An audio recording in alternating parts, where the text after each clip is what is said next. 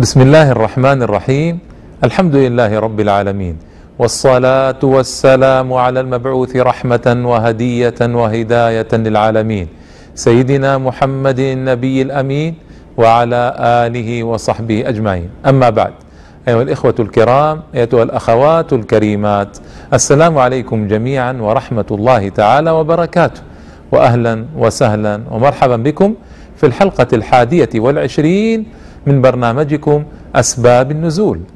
وما زلت في سرد أسباب النزول الواردة في سورة التوبة الجليلة الشريفة.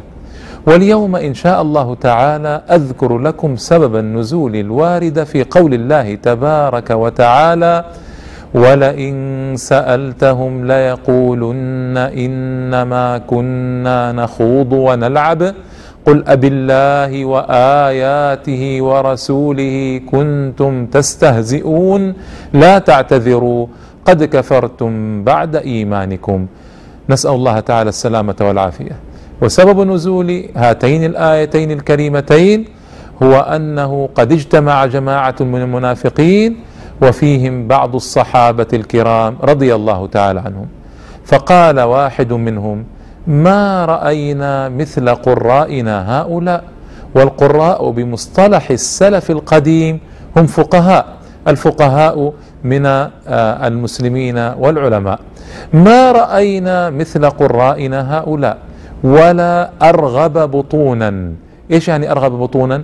يعني آه، شراهة في الأكل يقبلون على الطعام. ولا أكذب ألسنة. ولا أجبن عند اللقاء. أعوذ بالله. كيف يصف علماء المسلمين بهذه الأوصاف من علماء الصحابة؟ لا شك أنه منافق. نعوذ بالله. فقال له رجل كذبت ولكنك منافق تدافع عن المنافقين. لأخبرن رسول الله صلى الله تعالى عليه وسلم بما قلت. فجاء فأخبر النبي صلى الله عليه وسلم فجاء ذلك المنافق يتعلق بناقة رسول الله صلى الله تعالى عليه وسلم.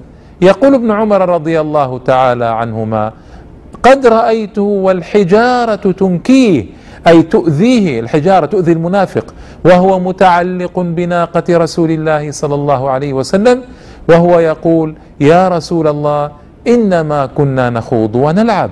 والنبي الأعظم صلى الله تعالى عليه وسلم يرد عليه فيقول أب الله وآياته ورسوله كنتم تستهزئون يكررها عليه صلى الله تعالى عليه وسلم. وهذه الآية أيتها آه الأخوات وأيها الإخوة تنبئ عن أمر جليل عظيم ألا وهو عاقبة الاستهزاء بالدين. هذه قضية خطيرة جدا. ليس الاستهزاء مقبولا بالدين نهائيا أبدا.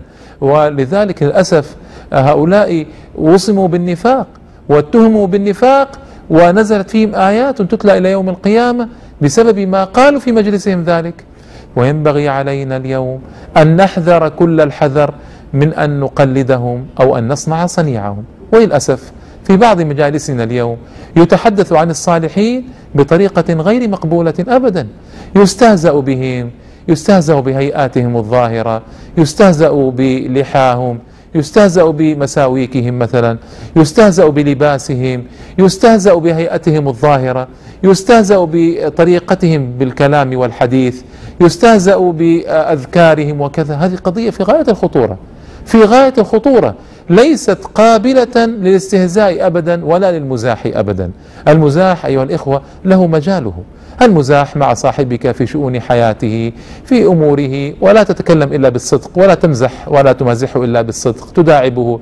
لكن أن تجعل الدين وأمور الدين مضمارا للمزاح هذا غير مقبول. نهائيا لذلك يخشى على المستهزئ ويخشى على من يصنع هذا أن يختم له بخاتمة سوء إلا أن يتوب. لذلك من كان آه، منغمسا في مثل هذا ومن كان قد تعود لسانه مثل هذا فليبرأ إلى الله تعالى منه وليتب إلى الله تبارك وتعالى. نعم الأصل في المسلم إن شاء الله أنه مسلم لا يتهم بنفاق ولا بكفر معاذ الله. لكن من انغمس في هذا خطأ من انغمس في هذا جهلا من انغمس في هذا وهو لا يكاد يدري ولا يدرك عليه أن يتوب إلى الله تعالى توبة نصوحة أن يسارع بالتوبة. ولا يقول يا أخي هذا مزاح وما فيه شيء. انتبهوا انتبهوا أيها, أيها الإخوة والأخوات انتبهوا تماما. هذه ليست قضية مزاح وغير مقبولة غير مقبولة أبدا أبدا.